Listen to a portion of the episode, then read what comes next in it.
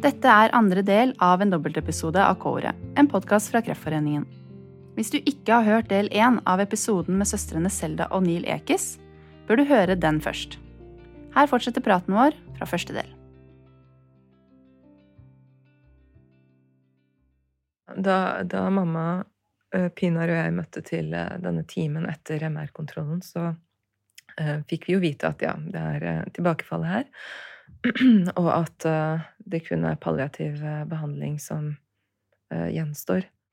For palliasjon, det er lindrende behandling når mm. det ikke er noe mer sånn medisinsk du kan gjøre. Mm. Ja. Men da hadde vi allerede lest litt om alternative behandlingsmåter. Altså medisinske, ikke ikke alternativ behandling, mm. men mm. uh, fra, uh, fra uh, USA. Og da tok jeg opp det. og det ble møtt på en veldig fin måte, mm. hvor han legen sa at ok, dette her kan vi snakke mer om. Um, han ønsket å snakke mer med sine mer erfarne kollegaer. Og, og sånn ble på en måte Sånn begynte snøballen å rulle litt, da. Mm. Jakten på den perfekte studien. Ja.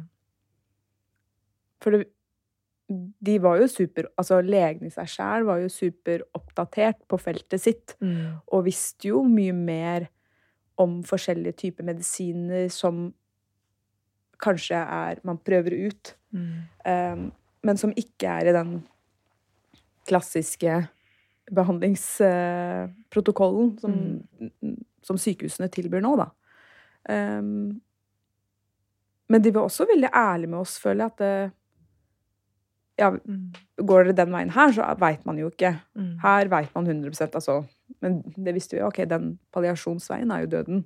Mm. Men den andre veien er jo kanskje å bli helt frisk. Mm.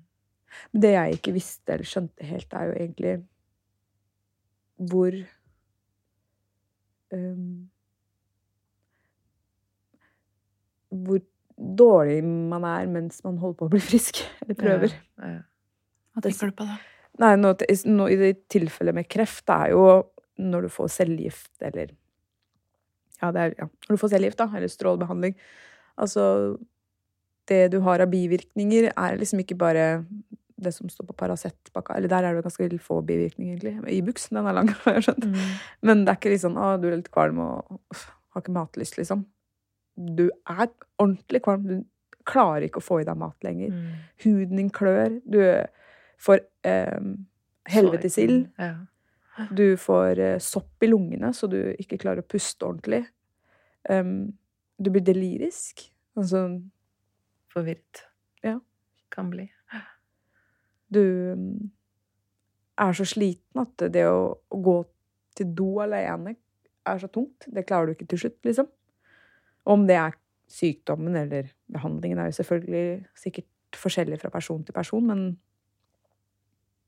det er liksom ikke bare få cellegift inn i blodet og så bare Kjempebra!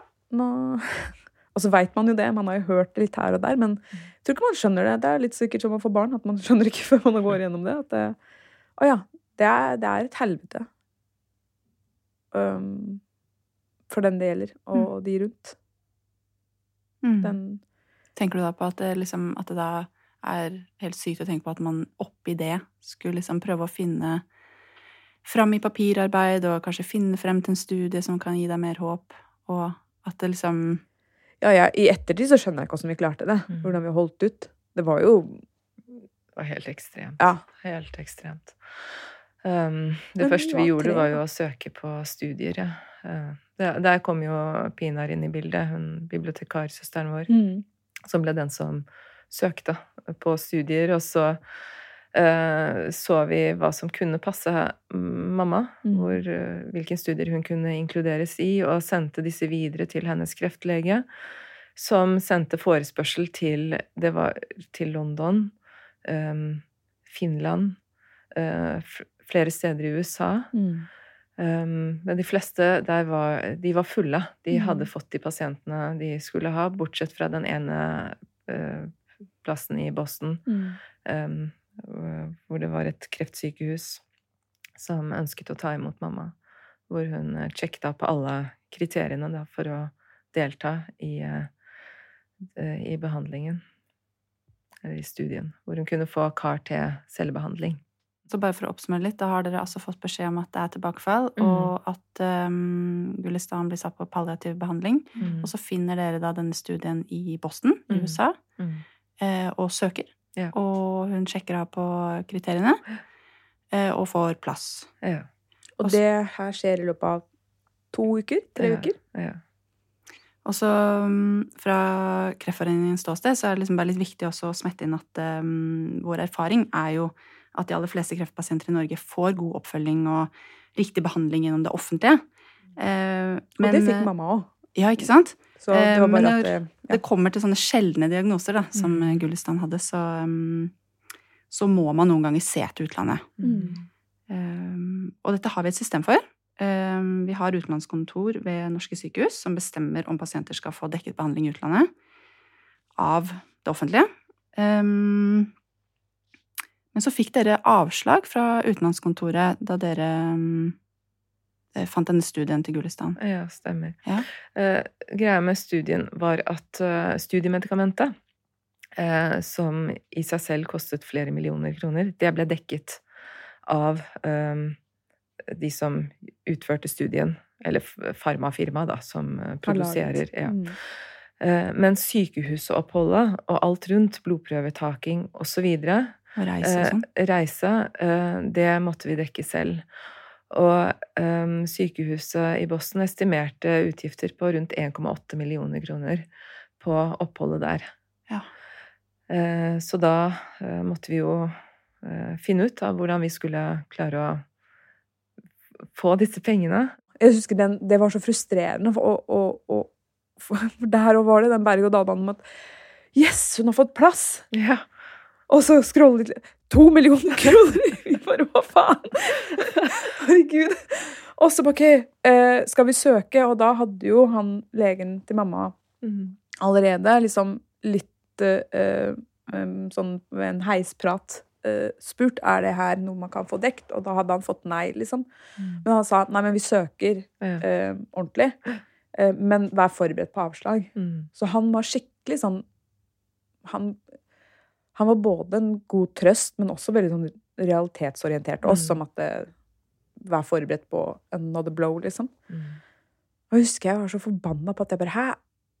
Ikke sjelden nok at det fins behandling, og at det er kompetanse. Ja, selvfølgelig fins det kompetanse. Det er ikke menneskene, legene, som har problemet i Norge. Det er at vi ikke har medisinen og den riktige behandlingen. Den ene behandlingen har vi prøvd, den funker jo ikke. Den eneste behandlingen nå er palliativ. Og jeg husker jeg var så sinna. Jeg ble sinna bare av å snakke om det. Så... For det avslaget som dere fikk, det var jo både dere og juristene i Kreftforeningens mm. gratis uh, rettshjelpstjeneste uenig i. Mm. Um, hvordan gikk dere videre derfra, da? Nei, da oppretta vi en spleis for legen til uh, Mamma sa dere må dra nå snart, liksom. Mm. Mammaen deres kommer til å bli ekstremt fort dårligere. Jeg husker jeg ikke trodde på det. For mamma var ikke så dårlig. Hun var så fin form ja. da. Uh. Men vi kontaktet også banken for å ta opp ja. lån. Også, altså, vi drev på i alle retninger for å skrape sammen uh, disse pengene. Uh, så parallelt med kontakt med banken så opprettet vi en spleis, ja. Hvor uh, ja. Hvor Selda sørget for at vi fikk inn Fikk vi inn den Nei, vi fikk deler av den. Summen som vi trengte. Ja. Rett under en mill. Mm. Men det å opprette en sånn innsamling, og så eh, blir jo det offentlig, ikke sant? Mm. Hvordan, hvordan syns du, Neil, at det var å stå i, i det? Jeg føler at hele den fasen var sånn uvirkelig. Alt var så surrealistisk og øh, angstfylt mm. og øh, kjipt at jeg ofret ikke en tanke på hva andre måtte tenke mm. om at vi var uh, i den situasjonen, eller at vi hadde opprettet en spleis. Um, at du tigga penger, liksom? Ja. Jeg, jeg, tenkte ikke Jeg klarte ikke å uh, sende det en tanke. Uh, at, det, at jeg kunne Hva tenker kollegaene mine? Altså, jeg tenkte ingenting sånt. Jeg, For mamma?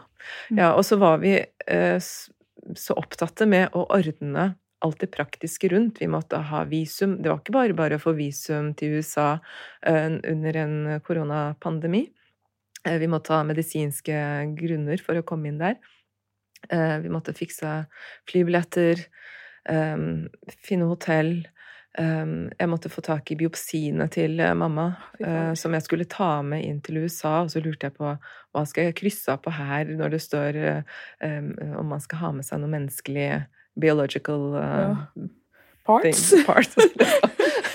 ja eller nei? uh, burde man ta ja for å være ordentlig og snill pike, flink pike, eller burde man ta nei for å bare drite i hasselen og ingen kommer til å oppdage det? Men hva hvis du blir stoppa? Havner du i fengsel da? Blir det Guantánamo Bay? man blir jo helt koko. Ja, ja, ja.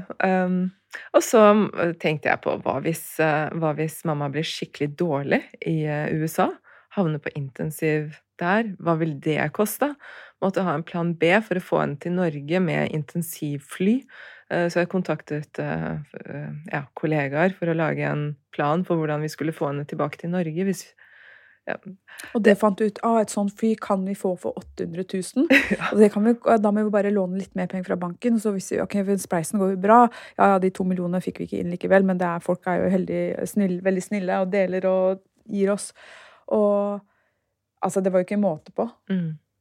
Hvor mange plan A-er og B-er og kontaktene altså nettverket ditt mm. du tok kontakt med, og alle ville selvfølgelig hjelpe til.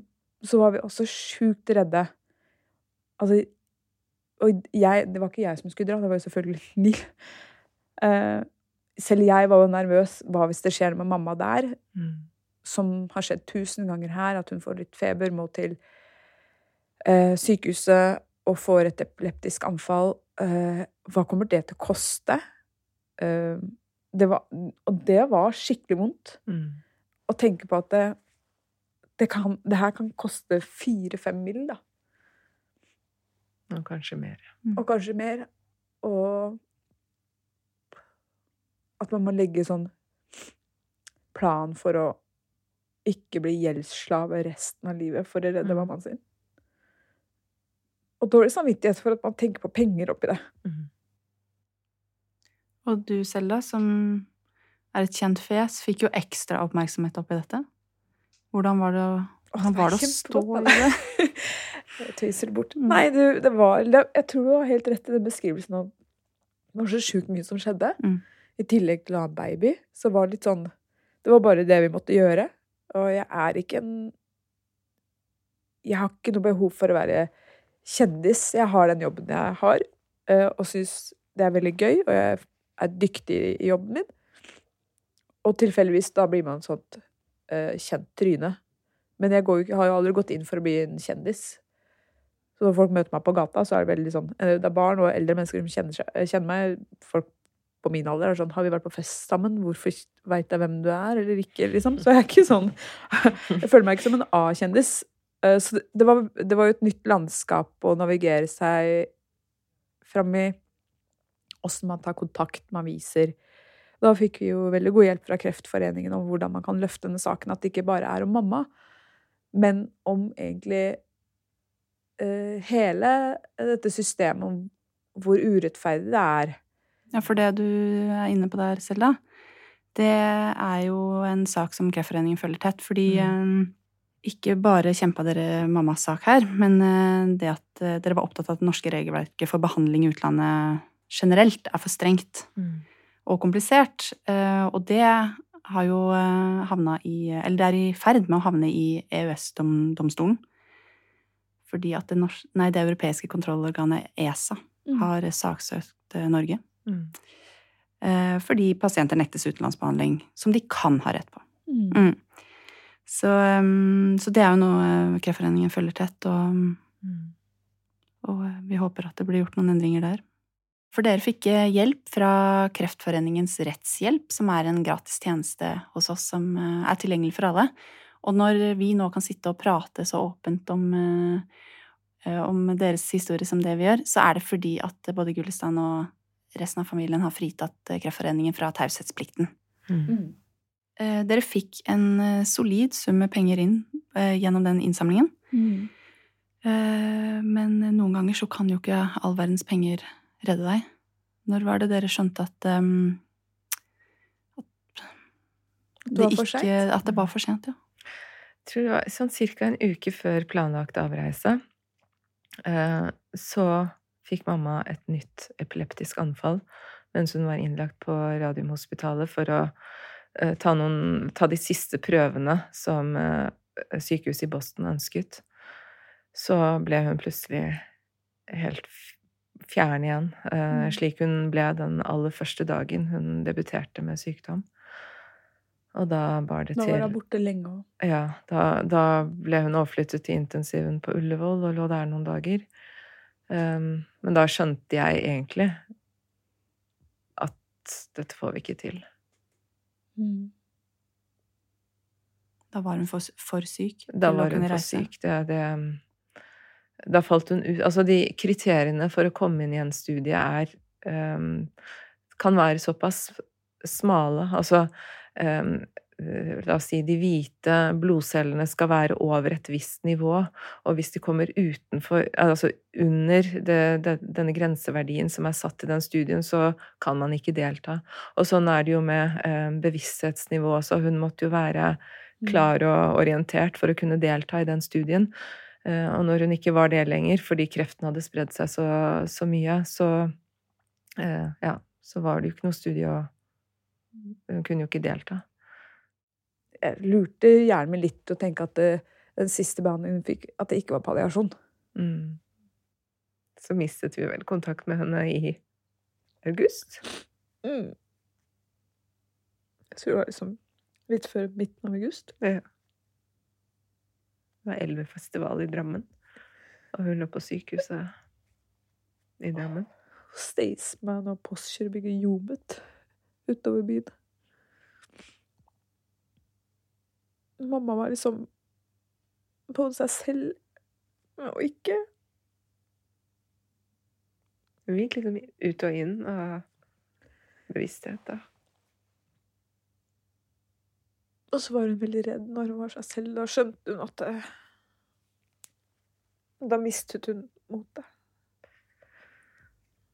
Hvordan var den tiden der for dere? Hun var tung. Hun ville prøve alt. Mm. Det var ikke måte på. Og så ble hun flyttet hjem for å dø. Mm. Var det noe hun ønsket? Jeg veit egentlig ikke hvor hun ønsket Hun ønsket jo ikke å dø, ja. så, så, det var på en måte ikke et tema. Ja. Selja, hvordan er det å gå fra å jobbe så intenst for dette håpet mm, med studie i utlandet og innsamling, til å innse at du ikke lenger At det ikke lenger er noe du kan gjøre? Jeg veit ikke. Det er det verste svaret et intervjuobjekt kan gi. Men jeg, jeg tror jeg var så forbanna sliten. Mm.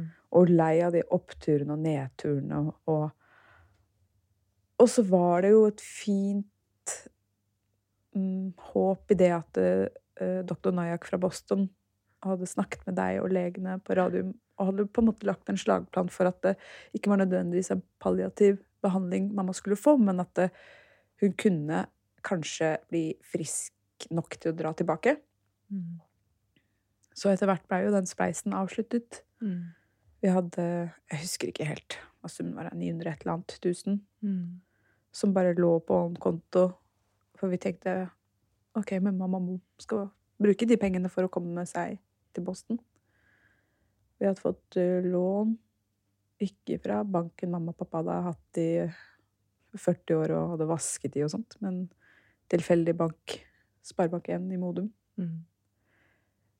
Um, det lånet sto, og de var snille, ass.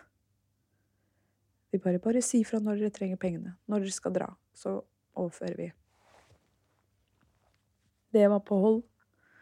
Alt var på plass, så vi bare levde jo egentlig det håpet om at eh, den medisinske behandlingen mamma fikk nå, denne gangen, da skulle den bli bra nok snart. Mm. Snart blir den bra nok. Oi, den ene uka er hun litt bedre. Er hun bedre? Var hun bedre? Nei, kanskje ikke. Er hun litt dårligere? Syns du hun var dårlig? Altså, mm. man, gikk, man ble jo helt ko-ko av det. Mm. Er, hun, er hun liksom sånn som hun var i går? Er hun litt dårligere? Er hun litt bedre? Å nei, nå er hun kanskje litt bedre. I dag hadde hun en lengre samtale om ja, et eller annet. Å nei, i dag er hun redd igjen. Mye opp og ned? Ja. Altså, det var snakk om nesten hver time. Det var jo sånn Det var ikke sånn Ja. Mm. Stillehavsbølger. Det var jo skikkelig innaskjærsbølger på ribb, liksom. Var vondt. Mm. Pengene fra innsamlingen, den sånn helt til slutt, så valgte dere å gi de pengene til Kreftforeningen. Mm. Um, som jo kommer til å komme andre pasienter eh, til gode i fremtiden, og som jeg vet at uh, det var veldig viktig for dere. Mm. Mm. Og det var det mamma ville også, egentlig. Hun sa gi det til Kreftforeningen. Mm. Før. Hvis, hvis, vi ikke kunne få reist. Før hun ble for dårlig. Så har dere altså kommet dit hen at dere skal ta med dere mammaen deres hjem. Mm. Og så vet dere at det er liksom siste stopp, da. Mm. Eh, siste reise. Hvordan forbereder man seg på det? Ja. Hva er det noe å forberede seg på? Man tar det som det kommer. Ja, det ble jo det. Egentlig, det var vel jeg som kanskje var mest den største pådriveren til å ta mamma hjem. Ja, for jeg hadde Jeg var jo øh, veldig imot. Ja. Men vi hadde en fin samtale rundt det. At alle fikk sagt hva de tenkte, mm. og hva de følte. Um, jeg tenkte at det, om det er bedre at noen andre passer på henne i en sånn situasjon. Mm. Det, og så var vi jo dritslitne. Men du var sånn Hun burde nok dø hjemme, fordi da kan vi passe på henne. Ja. Jeg bare så for meg at hvis hun skulle dø på et sykehjem, så hadde vi ikke klart Det hadde vært med, enda mer slitsomt for oss mm. å skulle reise til og fra et sykehjem og være på en fremmed plass. Jeg så for meg at hvis hun fikk være hjemme, så ville jo mm. alltids noen av oss være til stede. Mm. Mens eh, en av oss hvilte seg litt, så kunne den andre sitte hos henne. Så vi fikk, ordnet, uh, vi fikk ordnet en sykehusseng som ble plassert i stua, hvor den ene sofaen hadde vært. Um, det var jo den sofaen hun pleide å sitte i, så hun hadde liksom sin plass, vante plass i stua mot TV-en. Selv om hun ja, var jo Hun sov jo hele tiden. Og så hadde vi en kreftkoordinator i kommunen, som Heidi, som var involvert helt fra start, og hun, hun fortalte om sin erfaring med å Altså, hun hadde selv hatt eh, en mamma som døde hjemme og hadde hatt god erfaring med det. Mm. Um, og hjemmesykepleien var også veldig på tilbudssiden og sa at vi kunne ringe når som helst uh, når vi trengte, trengte hjelp. Um. Og at vi fikk også vite at mamma ikke hadde fått mer tilsyn av sykepleiere på et sykehjem enn det hun fikk hjemme. Um, så jeg så for meg at hun risikerte å ligge alene uh, mange ganger. Eller lenge av gangen. Mm. Det hadde du nok gjort, og det skjønner jeg. Hvis du har bevisste pasienter et annet sted som mm. trenger hjelp, så mm. gjør man det til en person som tilsynelatende mm. sover. Men inni her Jeg bare føler at et menneske som er i ferd med å gå ut av livet, ja. ikke bør ligge alene. Nei, du har helt rett. Men jeg er så glad for at uh, hun, at hun var hjemme. Men det var jo ekstremt uh, slitsomt, det må jeg si. Um, ja, ja, det var ikke rådyr i hagen og små mus som fletter roser i håret ditt, liksom. Det var jo, det var jo vondt. Ja. Men hadde jo natt til tirsdag. Mm. Da hadde hun vært hjemme siden onsdagen. Ja, fem dager. Mm. Men vi var med mamma pappa holdt hånda hennes, og Jeg hadde vært med mamma fra onsdag til Jeg dro vel derfra søndagen. Hjem. For da hadde jeg vært borte en del dager. Og så ringte jo du søndags... Nei, mandagskveld. Mm. og sa at For, da, ja, for jeg sov hjemme en natt. Nei, jeg hadde nettopp kommet hjem. Ja, jeg husker ikke hvordan det var. Men jeg hadde nettopp kommet hjem, mm. slappet av, og så sa du, sendte du meg melding at nå har mammas pust forandra seg. Nå tror jeg det nærmer seg. Og da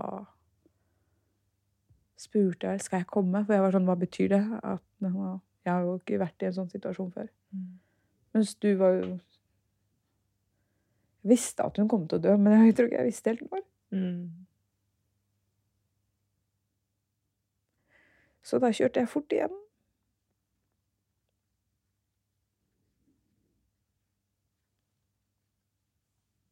Og pusten var annerledes.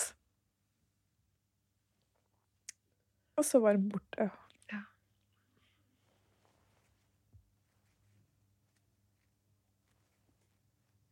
Men jeg skjønner hva uttrykket at hun ser så fredelig ut nå. Hun så så fredelig ut. Og de hevelsene hun hadde i ansiktet og sånt etter all kortisonen Det var akkurat som det forsvant. Det så ut som seg selv. Ja, I en yngre utgave. Ja. Så skjønte jeg oi, hun må ha hatt det vondt. At det har satt seg i ansiktet. Ja, ja det tenkte jeg ikke på. Det er sant. Men at det Ikke bare liksom rett før, men at det, hun hadde jo sånn mine mm. ganske mange måneder. Mm. Men det var jo helt borte. Så fredelig og rolig ut.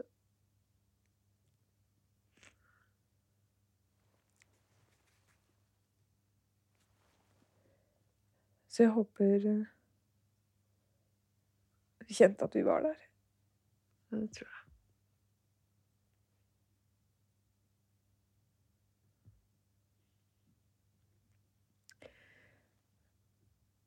Jeg hørte på den podkasten som heter Hei, døden. Jeg skulle hørt den på den litt før, men jeg er så glad for at vi var med mamma.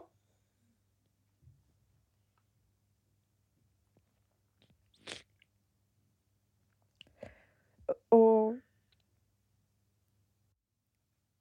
hvis man liksom ikke har tenkt over hvordan man har lyst til å dø selv, eller ikke har snakket med foreldra sine, eller sånt, så anbefales det å gjøre det. Altså.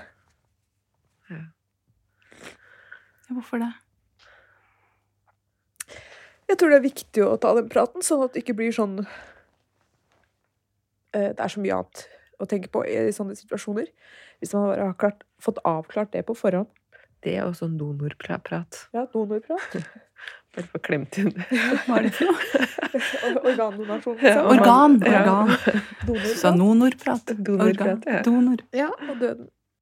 Det er litt sånn som hvor mange fødsler, hvis man ikke er fødselslege eller jordmor, da, er man med på. Eh, det er ikke så veldig mange. Vær til stede. Hvor mange mennesker skal du se dø? Det er forhåpentligvis ikke så mange, det heller. Men vær til stede inngangen og utgangen. Mm. Sikkert fint å være til stede mellom der òg, antar jeg. Også den delen som er kalt livet. Men eh, mm. Det føles veldig riktig og veldig menneskelig å være med være, Å være i en sånn situasjon. Å være samlet. Mm.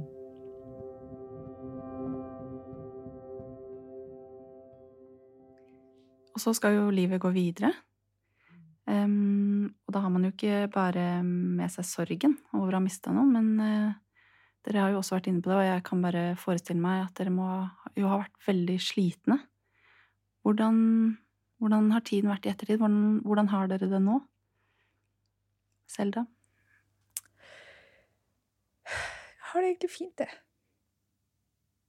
Jeg var veldig obs på at jeg skulle prate med mange om det underveis. De jeg jobbet med, folk jeg var i kontakt med. Og av vipsen, at, jeg måtte, at mammas sykdom ble veldig offentlig, um, så tok jo mange mennesker kontakt med meg. Det har vært litt sånn terapeutisk for meg å snakke med andre og høre at det går jo bra, selv om det ikke føles sånn der og da. Det er jo en del av livet å dø. Eh, folk skal jo bli sjuke. Folk trenger jo ikke nødvendigvis å bli det heller. Men eh, Og så syns jeg det er litt fint å vite at det, Å, fy fader, hva vi har gått gjennom. Og så gikk det jo greit. På et vis. Um, jeg mistet jo lille, rare mamma.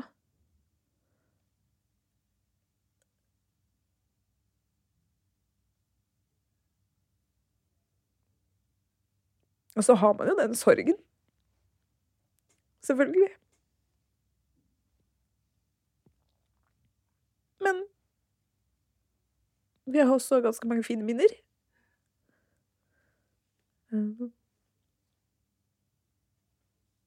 Og en dag skal vi dø også, da veit man litt hva det går i. Åssen har du det? Jeg har det bra. Jeg har det. Men det har tatt sin tid. Eh, jeg begynte å jobbe igjen det ti dager etter at mamma døde, og tråkket liksom rundt de gangene der jeg hadde vært med mamma på Riksen. Så det tok litt tid, og så merket jeg også at um, jeg hadde en del uh, sånne åpne hull i Kall det panseret uh, mitt. Uh, så når jeg møtte på pasienter som minte om mamma, så måtte jeg av og til bare be noen andre ta over for meg. Det kunne bli litt for altfor nært. Um, og det De hullene blir jo mindre og mindre, da. Men uh, ja, jeg vil nok sikkert møte på noen som treffer meg rett inn i, mm. i magen eller hjertet.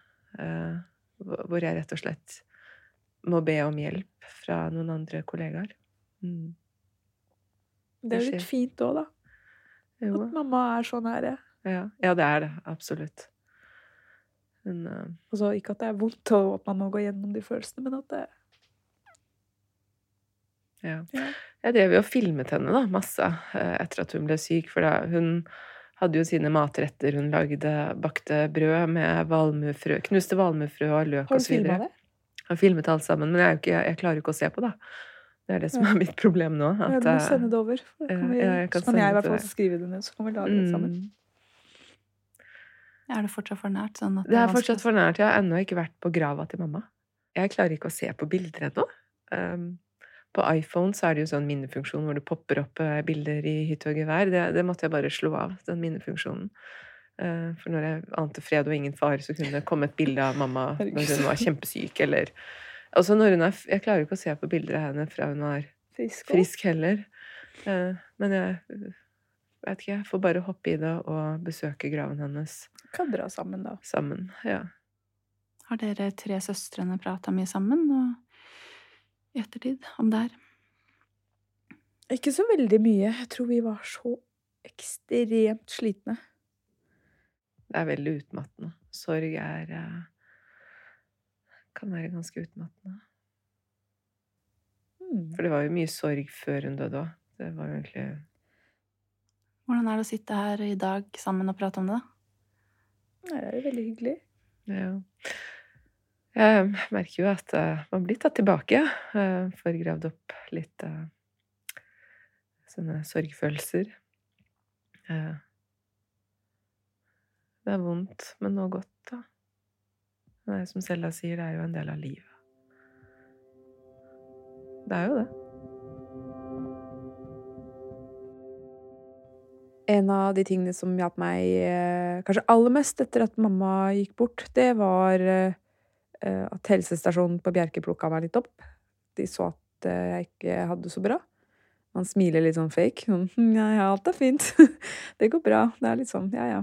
Men Og der fikk jeg plass hos en psykolog som hjalp meg kjempemasse på å finne ut om, om hvordan, om, om, jeg var i en sorgprosess, eller om jeg var deprimert. Fordi jeg tror hun skjønte at vi hadde vært gjennom så mye at um, grensa for hva som er sorg, kunne fort velte over til i depresjonsgrøfta, liksom. Mm. Så hun var veldig flink på å liksom stille meg riktige spørsmål som gjorde at jeg fikk prate om det som skjedde med oss og med mamma, eh, i en veldig sånn kronologisk rekkefølge. Og ikke Sånn at ikke For ting sauset seg i hodet. Ja, skjedde det før? Eller Og hun tok seg så god tid, flere timer, der vi liksom Ikke, ikke på en gang, det hadde man ikke orka, men eh, da fikk jeg liksom en tidslinje på det vi hadde gått gjennom. Og når man da får sett på det, så er det sånn Ja, det er faen ikke rart at jeg er så sliten som jeg er, liksom. Mm. Er, her har vi beviset, på en måte. Men det hjalp meg veldig til å anerkjenne at, at jeg var sliten. Og at uh, det vi har gått gjennom, uh, var veldig tungt. Og at uh, det var også veldig vondt. Og når man fikk sortert, begynte å sortere tankene og opplevelsen sin, så ble den plutselig litt mer uh, spisbar. Altså, jeg klarte liksom å takle det bedre. Sånn, mm. ja, det har skjedd. Sånn var det. Det er ikke noe spørsmål om hvordan var det der igjen, eller Og selvfølgelig er det jo noen sånne uh, deler av livet. Alltid. Hvordan var det der igjen? Men uh, det går greit, liksom, fordi jeg har de store linjene nå. Mm. Hva er det som har hjulpet deg, Nil? Nei, jeg uh, er jo en veldig åpen person, da, så jeg har jo snakket med de som har uh, orket å høre på meg. Nei da. Jeg har gode kollegaer på jobb som har gitt meg gode råd og lyttet. Jeg har gått til psykologen min. Um, jeg begynte å trene jevnt og trutt. Um, du har en god fastlege òg? Jeg er en veldig god fastlege. ja, det er en stund siden jeg har vært der nå. Som jo er bra. Mm. Men, jeg bare ja, det er, litt, er det dumt? Nei, det er faktisk bra. um, og så har jeg lyst til å si at det var perioder hvor jeg, hvor jeg var så full av sorg at jeg tenkte at jeg jeg lurte oppriktig på om jeg noensinne kom til å kjenne på glede igjen. Mm. Og det husker jeg spurte fastlegen min om. Og er det, mm. Kan man bli så ødelagt at man aldri kjenner på mer glede? Og så sa han nei, du kommer til å kjenne på glede igjen. Og det eh, det var en stor trøst. Altså, det var noe jeg på en måte holdt klamret meg fast i. Mm. Og det vil jeg gjerne at folk skal vite også. At livet kan bli fint. Selv om man går gjennom uh, ja, en veldig, veldig tung periode. Uansett hva det måtte være. Om det er kreft i familien eller hva som helst, så, så kan livet bli bra igjen. Jeg er veldig takknemlig for at dere deler disse erfaringene med oss, og det vet jeg at eh, det kan være av enorm betydning for eh, mange av de som hører på. Hva ønsker dere at folk skal sitte igjen med etter å ha hørt eh, praten vår? At de skal føle seg mindre alene. Mm. Absolutt. Jeg husker godt den um, følelsen vi hadde, i hvert fall jeg hadde, mm. da mamma fikk tilbakefall og Kreftforeningen ikke var involvert. Så følte jeg vi satt inni en trang, mørk boks. Mm. Eh, at vi var inne i et mareritt. Og, men, det, men, dette var virkelig. Og så fikk vi kontakt med Kreftforeningen. Eh, da, Litt via via òg, for jeg ringte jo først. Ja. Men det å bli sett Herlighet. Mm. Det, tok, eh, det tok en tung bør fra skuldrene våre, altså. Det gjorde det. Å vite at vi hadde noen på vårt altså, Legene på radioen var jo på vårt lag, det var ikke det, men Men, uh, men de var behandlerne, liksom. Ja. De trengte mer enn skulder. Mm. Og det fikk vi jo definitivt. En som mm. liksom backa oss opp og hadde ryggen vår. Det er rart hva man holder ut. Mm. Og hva man kan få seg til å tro. Ja. Derfor hjelper det også å høre andres erfaringer både gjennom podkaster, men også snakke med andre. Og plutselig så oppdager du at å ja, alle rundt meg har en eller annen historie. En eller annen form for historie. Og, og, og det er jo Hva er det der utrolig klisjé-greiene jeg pleier å si, som jeg elsker? Dele alle gleder, så blir de større, og dele alle sorger, da blir de mindre. Jeg syns det var fint, jeg. Ja. Ja, jeg syns den er skikkelig fin. Mm. Men det høres ut som fra sånn der gammel dameforum på Facebook. med sånn På en plakat med noen skier eller noe sånt. Men kan brodere det selv, ja. Kan brodere den på rumpa eller tatovere den på en pute. Eller motsatt. Ja, eller motsatt.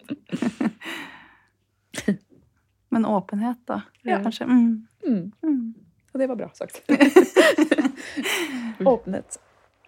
Tusen, tusen hjertelig takk for at dere ville komme hit og dele deres historie med oss. Takk for at vi fikk være her. Tusen takk.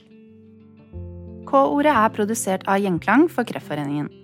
Produsent for Gjenklang er Christian Konglund. Produsent for Kreftforeningen er Birgitte Hoff Lysholm. Og jeg heter Sandra Christiansen. Kreftforeningen jobber for at færre skal få kreft, at flere skal overleve kreft, og få bedre livskvalitet for pasienter og pårørende. Du kan lese mer om arbeidet vårt og hvilke tilbud vi har til deg på kreftforeningen.no. Der finner du bl.a. rettshjelpen vår, som Gullistan og familien hennes fikk hjelp av, og rådgivningstjenesten om du trenger noen å snakke med etter å ha hørt denne episoden.